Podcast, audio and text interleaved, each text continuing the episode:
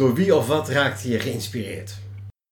Het moment dat ik echt dacht van shit, dit is echt wat ik wil gaan doen, ehm, is dat ik eh, Michael Jackson op tv zag bij de American Music Awards.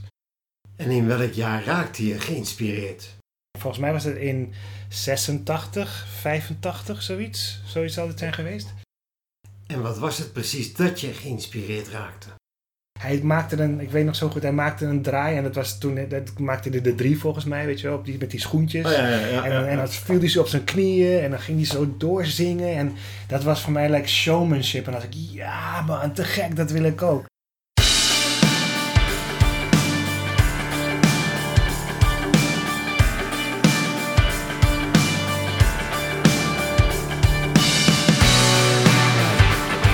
Dit is Luister je gelukkig. Podcast waarin Marcel Beijer in gesprek gaat met mensen die geïnspireerd raakten. En ook jou met hun verhaal willen inspireren.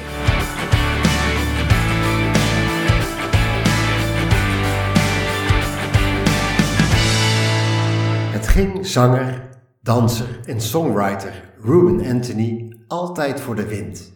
Hij barst van het talent, reisde de hele wereld over en trad op met sterren als Enrique Iglesias, Rut Jacot en Mr. President. De zanger, bekend om zijn felblauwe ogen, speelde de Oostenrijkse hoofdrol van musicals als Fame, Carmen Cubana en Hair. Hij had ook de hoofdrol in de musical Daddy Cool, die heel Europa zou doortrekken. Zou doortrekken. Want er kwam een kink in de kabel en de zanger raakte financieel in zwaar weer. Juist in die periode ontdekte hij zichzelf en krabbelde hij op. Luister naar het inspirerende verhaal van Ruben Anthony, dat begon op Curaçao. Het begon al best wel jong en eh, ik moet erbij zeggen dat ik niet echt een keuze had. Ehm, want ik weet nog dat ik als kind zat ik ehm, altijd op bed van mijn moeder, van mijn ouders, zat ik te springen en dan keek ik naar ballet en dan begon ik dat na te doen. Ballet. Ja, en toen zei mijn moeder van, nou, misschien moet je op ballet. En toen zei ik, nee, maar ze hebben altijd zo'n grote piemel, weet je wel. En dus, ja, een kind, weet je, gewoon lekker eerlijk. En eh, moet ik dan ook een eh, sok erin stoppen, weet je wel, dat, dat zei ik dan. En ehm, dus, dus daar was al heel snel te, te merken van, hé, hey, ik, ik ga die kant op. Ik ga iets met, met kunst doen, weet je wel. En daar komt nog eens bij dat mijn vader eh, ook altijd thuis aan het zingen was. Hij had, was zelfs manager van een, van een hele populaire band op Curaçao. Ehm, dus, en de repetities van die band waren ook eens nog eens naast ons huis. In de repetitieruimte. Dus als zij werd gerepeteerd en alles is daar open, want het is gewoon warm, weet je wel. Dus als je s'avonds gaat repeteren, dan hoorde je dat gewoon. En, en ja, dan ging ik eh, gewoon door de tuin eh sneaken naar, naar, die, eh, naar die repetitieruimte. En dan ging ik daar kijken naar de band.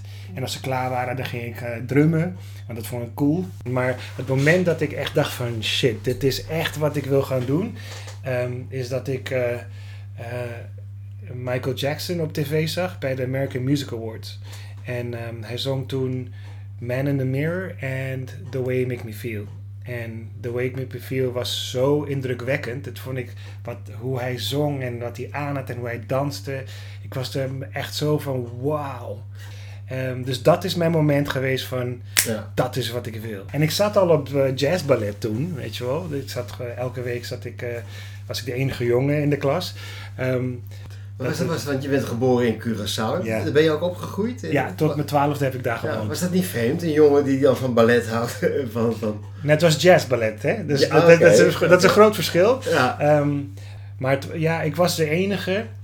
Ja, het was niet gek. Nee, het, was, eh, het was gewoon... eh, ja, gewoon dat is wat ik wilde. Je, hebt, je, je, hebt, je hebt nooit last van verlegenheid gehad? Of bescheiden? Nou, bescheiden wel natuurlijk, maar, maar je moet ook een bepaalde eh, levensinstelling hebben om die spotlights op je gewend te zien raken natuurlijk. Ja, dat klopt. Was dat bij je?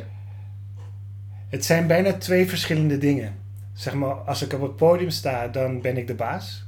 Over alles en iedereen. Ehm, Dat heb ik een keer mogen zien trouwens. Ja.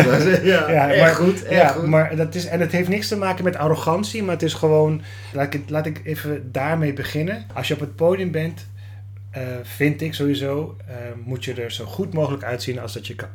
Want je hebt mensen die naar je kijken en je moet zo goed mogelijk kunnen zingen of doen wat je doet, want mensen zijn ook naar je aan het luisteren. Maar ehm, een groot deel van wat mensen ook eh, leuk vinden om te zien is een bepaalde zekerheid. Een bepaalde, uh, niet arrogantie, maar wel gewoon van hij weet wat hij doet. Ja. Dat is dat, dat, is dat entertainment gedeelte. Mm nou, als je die kan combineren, dus en er zo goed mogelijk uitzien en zo goed mogelijk klinken en nog mensen kunnen betrekken bij, jou, bij jouw verhaal, dan uh, doe je het goed. En dus daar heb ik me op gefocust om dat zo goed mogelijk te kunnen doen. En dat aspect, daar moet je dus een bepaalde uh, zekerheid in uitstralen. Want als het publiek merkt van, oh, hij is een beetje onzeker of zo, dan raak je ze kwijt. Dan raak je het publiek ah, kwijt. Sterker nog, ze kunnen, als je er een, iemand tussen hebt zitten of een paar mensen tussen hebt zitten die denken van, oh, ik zie dat hij uh, het niet trekt, dan gaan, ze, gaan zij pushen. weet je wel? Ah, dus je moet ten alle tijden, vind ik als artiest, moet je de baas blijven op het podium. Ehm, zodat het kan gaan zoals je wil. Zodat je je showtje kan draaien. Um, dat aspect, dat psychische aspect vind ik dus geweldig. Om als artiest van oké, ik ga nu het podium op en kan ik jou binnen twee nummers, kan ik jou naar me toe trekken. Dat je denkt van wauw, wat leuk, wat geweldig, wat cool, vul het in. Maar in ieder geval iets positiefs. En dat ik dat dan weer een uh, anderhalf uur tot drie kwartier of zo kan volhouden. Dat is andersom. Drie kwartier tot anderhalf uur kan volhouden. Ehm, eh, en dat je dus blijft kijken en blijft luisteren en blijft denken van... Oh, wat leuk of wat geweldig of whatever, weet je wel. Ehm, dat is mijn doel. En dat, is, uh, dat vind ik het coolste om te doen, weet je wel. Um, dus als je dan goed luistert, heb ik niks gezegd over oh, maar dan moet hij die noten, bla bla bla. Het gaat gewoon om het, om het geheel. Het gaat niet om het ene nummer, het gaat om het geheel. Dat je het publiek kan blijven uh, boeien. En ik ben er ook best wel trots op dat ik dat kan. Weet je wel? En wat jij net zei, van ja, ik heb het gezien en het was geweldig. Nou, dat is een groot compliment.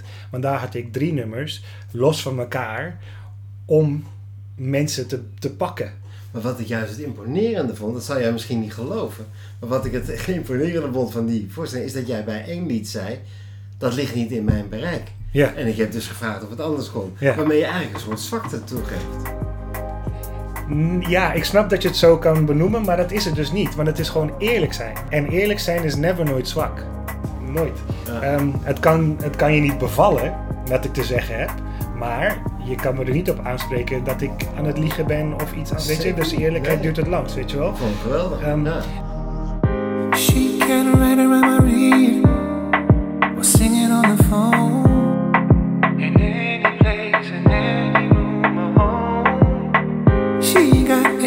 Everything I need. So sensual. Promise you I'll never let you fall. I don't know what it is, but I'm loving this. Cause you're always on my mind. Always on my mind.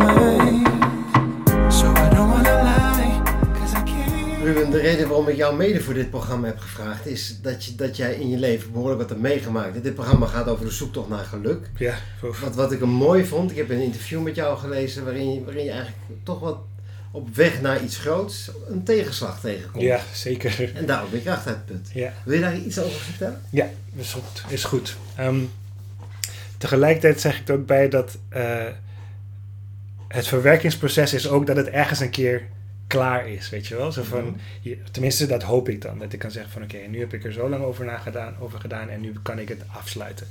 Maar wat er gebeurde is dat ik, ehm, ik woonde in Oostenrijk, had daar negen jaar gewoond en had daar best wel veel leuke dingen kunnen doen en een aantal succesjes hier en daar.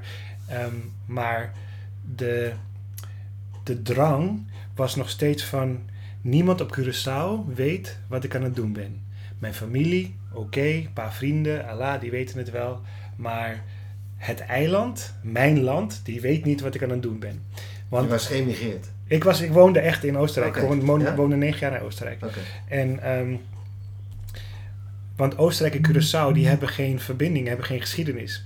Nederland-Curaçao, jarenlange, eeuwenlange geschiedenis. Dus toen kwam er bij mij het idee, idee van: oké, weet je wat, ik ga terug naar Nederland. Ik ga hetzelfde opbouwen wat ik in Oostenrijk heb gedaan.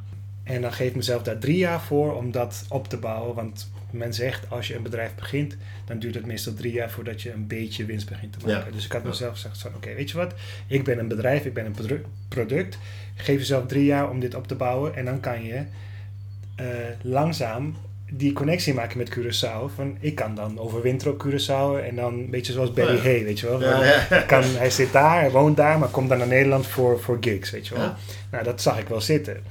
Dus ik kwam naar Nederland toen, en eh, toen kreeg ik meteen de eerste tour met de Soul Brothers. Toen kwam er een tweede tour met de Soul Brothers. Toen kwam Ellen ten Damme in Carré.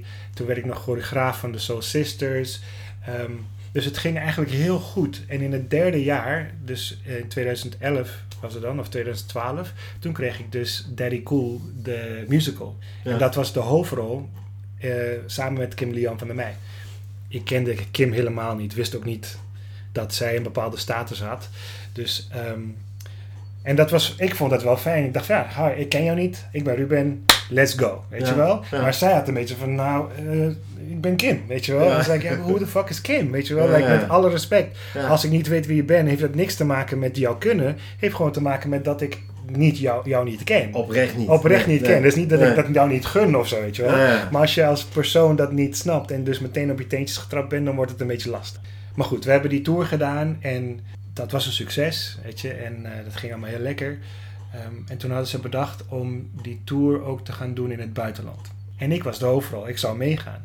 En ze hadden gezegd, nou we zijn ni- minimaal negen maanden weg. Maar ik hoorde, te gek, ik ga naar Mallorca, ik kan Spaans, ik ga naar Duitsland en Oostenrijk, ik kan Duits. Ik heb daar negen jaar gewoond, ik ga terug naar huis bij wijze van. Ja, ik ga ja. naar Engeland, weet je, misschien gaan we wel op eh, West End gaan we spelen. Dus ik zag mijn plan van drie jaar, zag ik gewoon eh, uitkomen. Het, het, ging, het lukte allemaal. Ehm, dus ik had toen mijn huis opgegeven. Ik had een scooter die had ik verkocht. Omdat ik dacht van ik ga negen maanden toeren. Dus ik, mm, en dan kom ik terug met een bak met geld. En dan ga ik dus mooi een huis bouwen op Curaçao. En dan kan ik dus op die manier... eh, al je schepen achter je verbrand. Alles verkocht. Oh, ja, precies. Ja, ik, Ja. Dat, dat klinkt een beetje negatief. Ja, maar sorry. nee, sorry. eh, ik had gewoon bewust gezogen van nee, ik heb, ik Ja. heb nou geen plek meer nodig in Amsterdam. Ik woonde toen nog in Amsterdam. Ik ga gewoon lekker toeren. En dan kijk ik daarna wel met een bak geld. Kan ik veel makkelijker eh, een mooi huis huren en een, huis, een stuk grond op Curaçao. Weet je. Dus dat had ik zo gepland. Ehm, en omdat ik dan die tour ging doen door, door Europa, kon ik ook overal gewoon mij als artiest, als solo-artiest neerzetten. Want ik had gewoon een nieuw album in mijn hand, weet Ja. je wel. Dus ik dacht, nou, lekker overal waar ik kom bij de radiostations, bij de, bij de kranten en zo. Van, hé, hey, eh, alsjeblieft, weet je wel. Ja. Dus ik had het, heel, ik had het helemaal uitge, uitgepland. En het, het, ik dacht echt van, wauw, het lukt gewoon. Die drie jaar plan, dat, dat plan lukt gewoon. Ja. En toen na drie weken zaten we eh, weer thuis. Omdat de Engels, de Duitse in, in, eh, investor, die had gelogen over zijn financiële eh, ehm, eh, situatie. Die had gewoon geen financiële middelen. Die was helemaal niet liquide. En had ons gewoon daar achtergelaten. En letterlijk, hè, ik weet, want ik was, ik was, omdat ik de hoofdrol was, deed ik ook alle pers- en media dingetjes. Oh. En ik kan dus Spaans, Engels en Duits. Dus Ja. in Mallorca eh, heb je dus een hele grote Duitse community. Je hebt een hele, grote Engelse community en natuurlijk het Spaans. Weet je wel? Dus ik deed alle pers en media daar. Dus ik was veel met hem op weg, op stap. En hij zei nog, ik weet het nog zo goed, van... eh hey, ik ga even weg, maar ik kom woensdag weer terug. Ik zei, oké, cool, weet je wel. En hij gewoon afscheid genomen en hij is gegaan. En ja, de volgende persoon die ik zag was dus een Nederlandse producent. En die zei van, ja jongens, eh, het is vandaag vrijdag 11 uur en eh, we gaan om eh 1 uur, half 2 halen we jullie op. Ja. En eh, moet je alles ingepakt hebben en we gaan terug naar Nederland. En moet je je voorstellen dat je dan een cast hebt van 24 jonge mensen en nog lichttechnici, geluidmensen en, Oh, eh, en eh, hoe noem je dat, eh, Ja. kostuums, alles. En iedereen had spullen meegenomen voor negen maanden. En we zouden volgens mij twee of drie maanden daar blijven. Dus weet je, je moest binnen een uur of binnen twee uur moesten we alles inpakken. Dus iedereen zat soort van half tranen, ongeloof, Ja. eh, paniek. Weet je wel, van wat, wat gebeurt hier eigenlijk Ja, nu, weet je wel. Maar het gevolg voor mij en voor vele anderen was dus dat we ineens thuis zaten. Ehm, mensen hadden hun, hun eh, huis in onderhuur. Ik had helemaal geen huis meer. Ja, geen huis. Ik Nee. had niks. Hoe ik- je dat op dan? Ja, ik eh, kreeg de eerste twee dagen kreeg ik in een hotel. Bleef ik in een hotel van, van hun. En eh, wat was daarna? Toen bleef ik bij vrienden, heb ik overal bank hangen en zo. Maar het was echt een, weet je, een horrible time. Want ik had ook geen geld. Nee. Weet je, alles, alles wat we hadden afgesproken, het ging gewoon niet meer door. Oh. Snap je? Dus ik had, mijn negen maanden waren weg. Ik had ook geen geld dus om te investeren, om even snel weer een, een huis te huren of zo. Dus eh, toen begon eigenlijk, de- dat was echt heel erg erg. Dat, de ellende was echt ellendig. Wat doet dat met jou? Wat- Ja, het heeft me letterlijk kapot gemaakt van binnen. Ja. Want ehm, mijn, mijn ego heeft een hele harde klap gehad.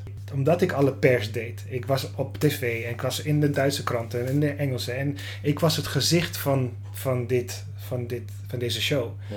En dat is wat ik altijd heb gewild in mijn leven. I wanted to be that man. Ja, weet je droom. Het was mijn droom en die Ja. was gewoon in vervulling aan, het komen, vervulling aan het komen. En ik was of aan het uitkomen. Ik was aan het dansen, aan het zingen, aan het teren. Ik kreeg alle aandacht. I was like, this is it. Weet Ja, je wel? This is finally it. Ja. En toen het dus misging, voelde ik alsof ik had gefaald. Alsof het allemaal mijn schuld was. Alsof, alsof ik de mensen niet kon trekken. Oh. Dat, dus ik ging, naar, ik ging denken van, oh, ik ben niet goed genoeg. Ik ben niet interessant genoeg. Ik ben niet getalenteerd genoeg dat die mensen dus mij willen zien. Snap je?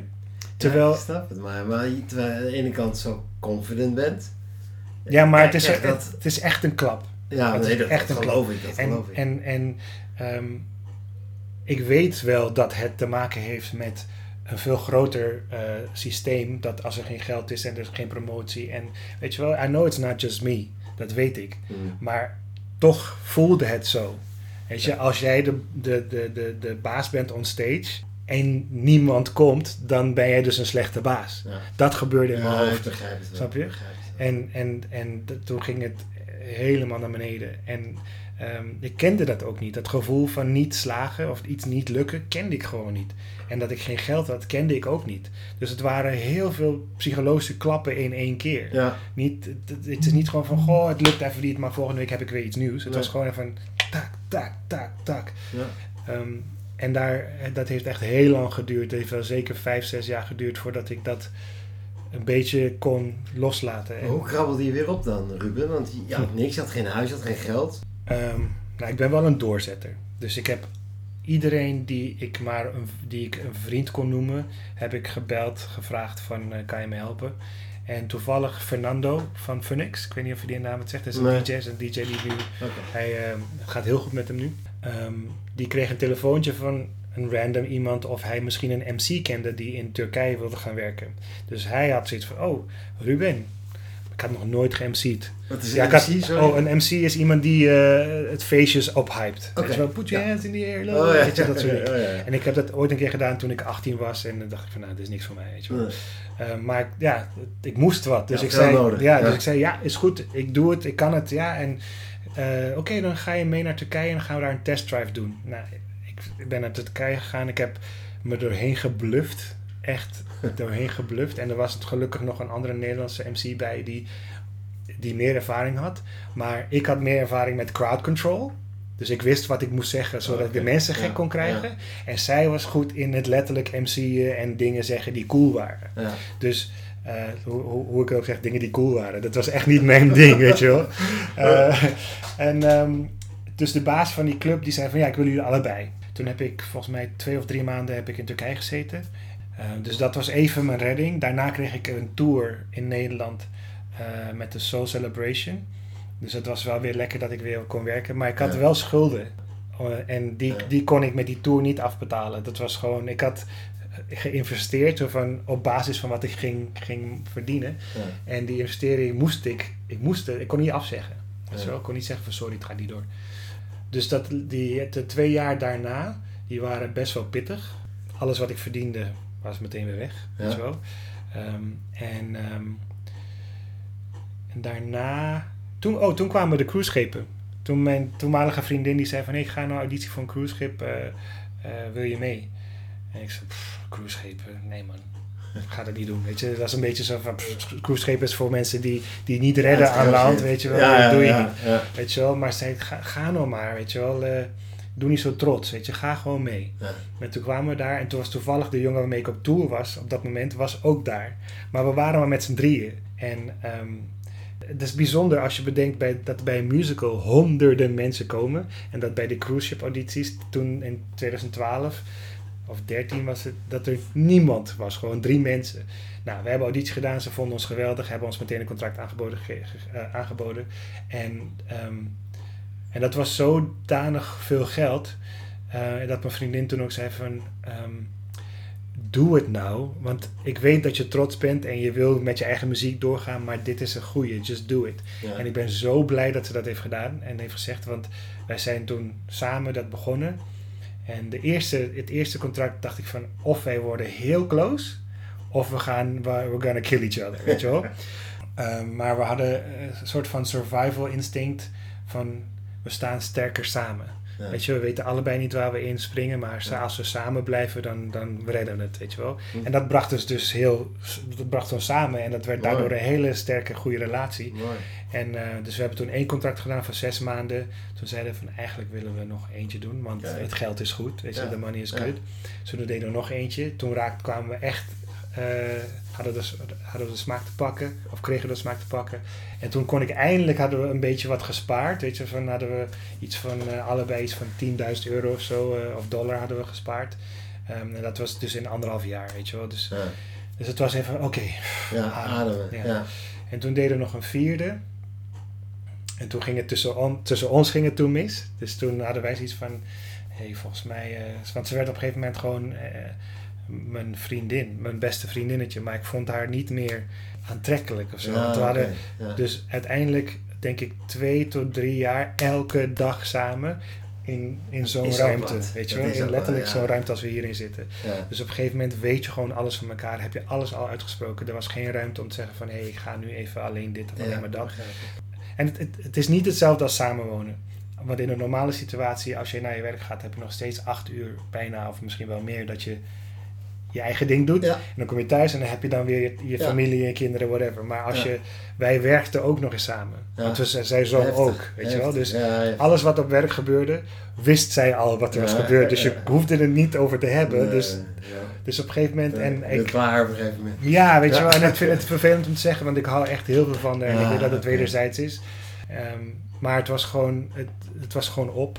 Die tijd op die schepen heeft me dus de rust gegeven, heeft me het geld gegeven. Eh, andersom heeft me het geld gegeven, waardoor ik rust kon creëren in mijn leven. Waardoor ik eh, de, de tijd had en de ruimte had om dus te gaan werken aan... hé, hey, je bent wel goed. Het ligt niet aan jou. Weet je wel? Eh, als je op een podium staat vinden, men- staat, vinden mensen het echt leuk. En vinden ze het echt goed. Ja. Weet je? En dat had ik echt wel even nodig. Na zo'n klap eh, van, eh van Albus Verlinde. Uiteindelijk heeft het je dus wel wat gebracht. Zeker. Zeker. Ik ben een sterker, betere artiest daardoor geworden. Snap? Denk je dat een mens dat nodig heeft? Dat, dat, je, dat je misschien wel zoiets mee moet maken om... om Nee, ja, ik gun het niemand. Als er een andere manier was geweest, had ik daar meteen ja op gezegd. Ah, dat is Dus mooi, ja. Ehm, maar kijk, ze zeggen wel, what doesn't kill you makes you stronger. Weet je wel? Ja, en, je moet soms, tuurlijk, ik, als, als, als man, als persoon, denk ik ja, ervaringen maakt de mens en daardoor word je een, een beter, sterker persoon waarschijnlijk. Weet je wel?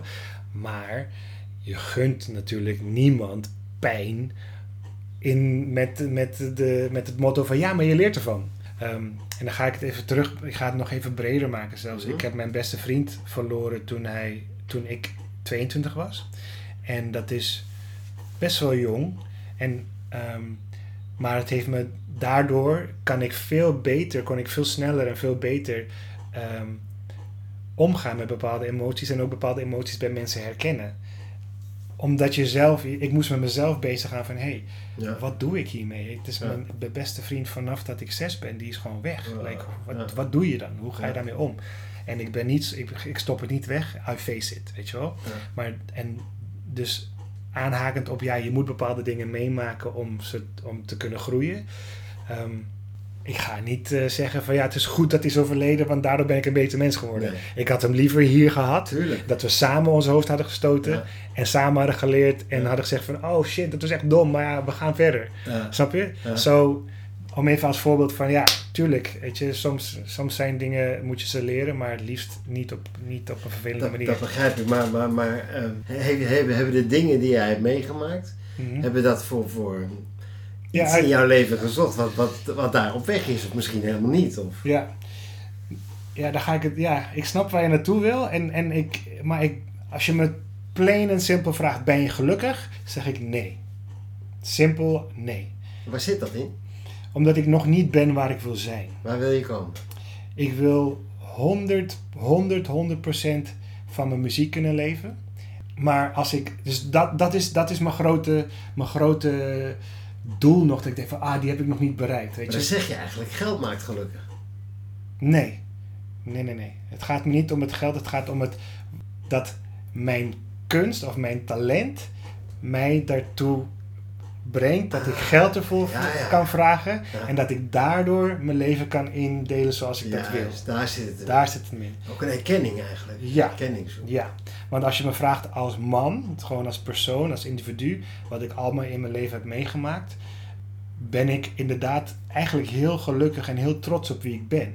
En wie ik eh, kan zijn voor een ander. Eh, omdat ik heel snel mensen kan begrijpen, ik kan goed luisteren, ik help graag. En dat zijn wel kwaliteiten die ik belangrijk vind in een persoon. Ja. En dan maakt het niet uit wat je doet. Ja. Maakt niet uit wat, wat, wat je beroep Ja. is. Weet je, dus sociaal zijn, eh, een open hart hebben naar, naar anderen. eh, en, soms, en zelfs ook naar mensen die het misschien minder breed hebben of minder goed hebben dan jij. Dat je soms gewoon een gesprek kan voeren met een vreemde. Just to show them that they are there. Weet je wel?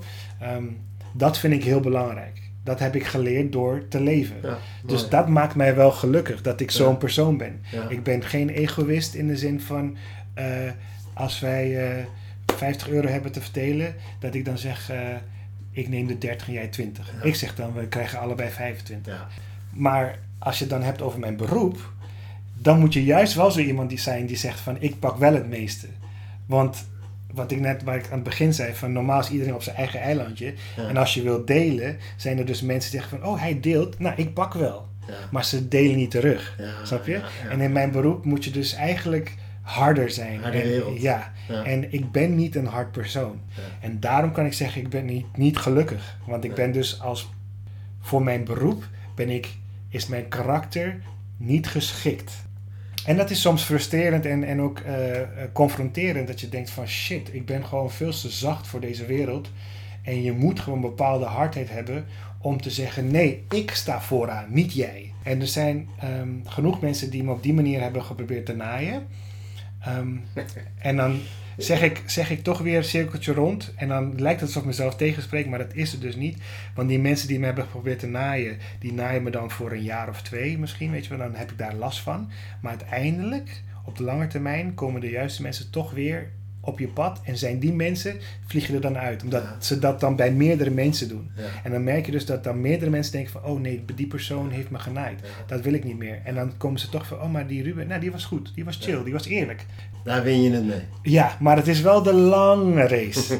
Weet je wel? Maar dat vind ik een wijze les die je nu zegt. Ja, dat... dat het, zie, zie, hoor je mijn, mijn, mijn tweestrijd? Aan de ene kant, aan, als een persoon zijn, denk ik... ja, ik ben een goed mens en, en goed zo. Groei door op die Ja, manier. Ja. Maar als artiest zijn, denk ik van... god, doorbijten en, en wegduwen en gaan. Weet je wel? Omdat als iedereen zo doet en ik doe het niet, dan blijf ik achter. Ja. En, maar als ik zo ga doen, dan doe ik iets waar ik niet achter sta. Maar ik moet het bijna doen om te, Ja. om te surviven. Er is nog geen evenwicht in die strijd, in die, in die wie ben ik en wat ben ik. Als beroep zijnde. Daarom kan ik zeggen van shit, ik ben nog niet waar ik wil zijn. Dus ben ik nog niet gelukkig. Ja. Dus het heeft nul te maken eigenlijk met geld. Heel goed, heel goed. Goed dat je het uitlegt. Ja. Eh, tot slot, want het heeft je volgens mij nog iets anders gebracht ook. Want je, je, hebt, een, je hebt een album uit, Hm. waarin je ook die dingen die je in, in die zwarte periode hebt, ge- hebt ge- gebruikt, oh, een beetje hebt kunnen verwerken. Ja, ja, het Ja. is. eh, Een artiest moet nooit gelukkig zijn, zeggen ze. nou, nou, ik wil wel hoor. nee, ehm ai, ai. Ik hou echt van mijn vak, maar ik haat mijn vak, weet je wel. Het zou de kop boven een artikel zijn, weet je. ja, ja, precies. Ehm, ja, kijk, ik kan je vertellen over het album. Het album heb ik in het laatste jaar van de schepen geschreven. Dus toen had ik dus echt Ja. Er was rust. Toen heb ik een keyboard kunnen kopen. Ik kon geen piano spelen, ik kan het nog steeds niet. Maar ik had de rust om elke dag te gaan zitten, om te gaan oefenen, om te kijken wat er uitkwam. En op die manier was er dus, eh, kwamen dus teksten ook weer naar boven en kwam de creativiteit weer. En ik heb eh, een nummer geschreven dat heet Quiet Alone. Dat gaat over je alleen voelen. Ehm, eh, en dat je denkt van dat iedereen het beter heeft dan jij en niemand hoort wat je zegt. Ehm, een ander nummer ga- heet eh, Sanctuary. Dat gaat dan weer over eh, dat het uitging met mijn relatie. En dat ik zeg, iets, ik zeg van... eh, hit me where it hurts.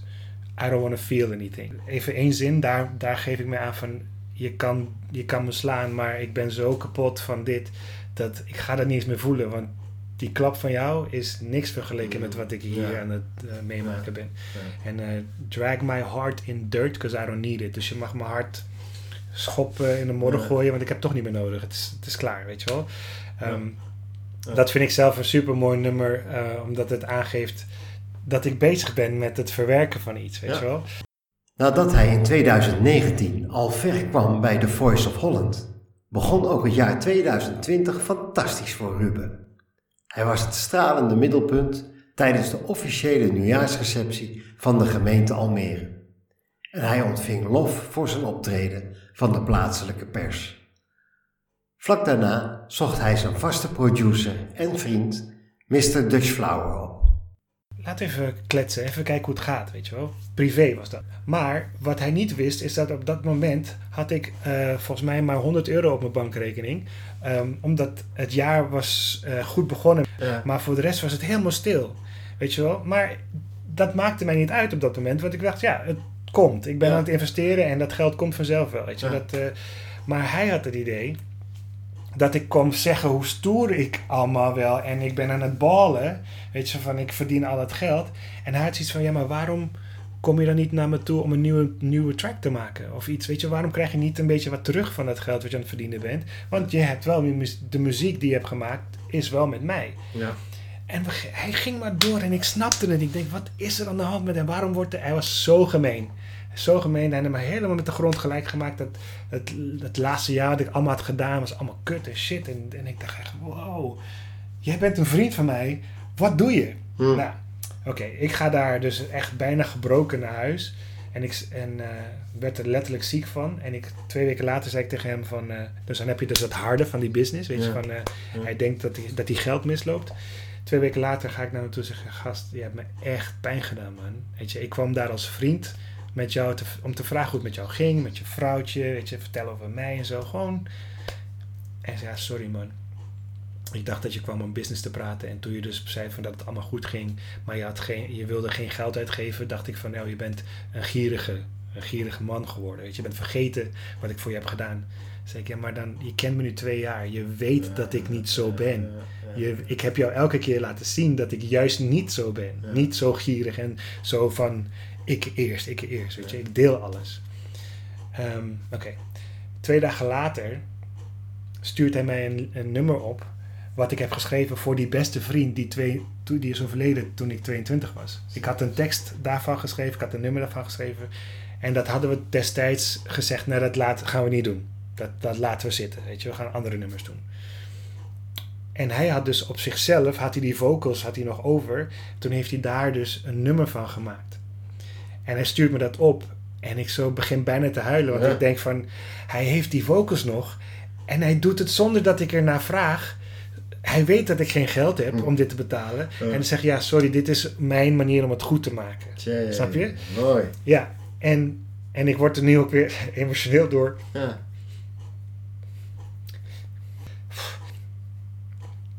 Omdat je dus ziet dat uiteindelijk die lange weg werkt. Want hij heeft dus uiteindelijk heeft hij, hij, hij moest door de shit, want hij heeft me helemaal kapot gemaakt. En dan dat hij daarna zegt, hey sorry, dat was niet de bedoeling. En dat hij dan nu dit nummer heeft gemaakt, wat voor mij heel belangrijk is, want het gaat over Ja. mijn beste vriend. En hij heeft het zo cool gemaakt dat het niet een zielig nummer is geworden, maar een heel happy nummer en een positief nummer. En als je het hoort, denk je dat het gaat over eh, een meisje. Van, oh, hij was verliefd en het is er niet meer. Dus als jij het hoort of iemand het hoort, kunnen ze ervan genieten en kunnen ze erop dansen. Maar ik weet wat het is. Snap je? Poeh. Dus ik geef een ode aan mijn beste vriend op een hele positieve manier. En ik krijg het dus terug zonder ervoor te vragen. Snap je? Ik heb er niet voor gevraagd. Ik sta En, en, en, en nu wordt dat dus mijn nieuwe single. En ehm, sterker nog, heeft hij gezegd: ehm, de volgende drie singles ga ik voor jou gratis maken. Ah. Omdat ik wil dat jij doorgaat. Want je hebt me laten zien het afgelopen jaar dat jij, ook al komt er een euro binnen, je geeft er 2 euro uit voor de muziek. En- Maar nu kan je niet meer. Nu sterker nog, door corona kan ik helemaal niet meer investeren in muziek. Ik kan niks maken. Dus hij zegt, weet je wat, ik ga jou doorpushen. En dan alles wat je verdient aan de muziek, dat, dat geef je dan aan mij. Eh, tot en met, eh, zeg maar, de eerste 600 euro die ik dan verdien, die moet ik dan aan hem geven. Want dat is wat het kost om een plaat te maken, weet je. Fair. Dus het is recouping. Ja. Maar d- tuurlijk is het een fair deal. Maar that's not about the money. Het feit is dat hij eerlijk blijft, oprecht blijft naar zichzelf en oprecht blijft naar mij. Ja. En ik dus ook oprecht kan blijven naar mezelf. Dus dat ik, wat ik net allemaal vertelde, van ik moet eigenlijk harder zijn, omdat ik anders niet voorop kom, niet Ja. vooraan kom. Dat ik dus uiteindelijk nu kan zeggen met alle corona shit en dat, ik geen, dat er geen optreden zijn en dat het allemaal maar zoeken is naar hoe gaan we dit, eh how we gonna survive. Dat ik nu dus, dat mijn karakter de doorslaggevende, het doorslaggevende ding is geweest dat hij zegt ik ga nu doorpushen voor jou, zodat je niet stilstaat. Ja, En dat ik dus nu een hele coole single heb die dus gaat komen. Dat vind ik dus te gek. En dan, dat het dan over die vriend gaat. Ja, Dat is, Dat is te gek. Weet je wel? Ja. En kan, ik kan je word het wel dus- zingen? Kan je het wel zingen? Ja, ja, ja. ja. Maar het is heel vrolijk. Het is echt heel vrolijk. Dus Ja. ik, het is niet Eh, zo... Het, ja. is, het is echt het is een, een, een snel nummer. Het is niet, eh, dus je wordt er gewoon eh, blij van. weet Hoe je heet het? Lost in Love. Lost in love.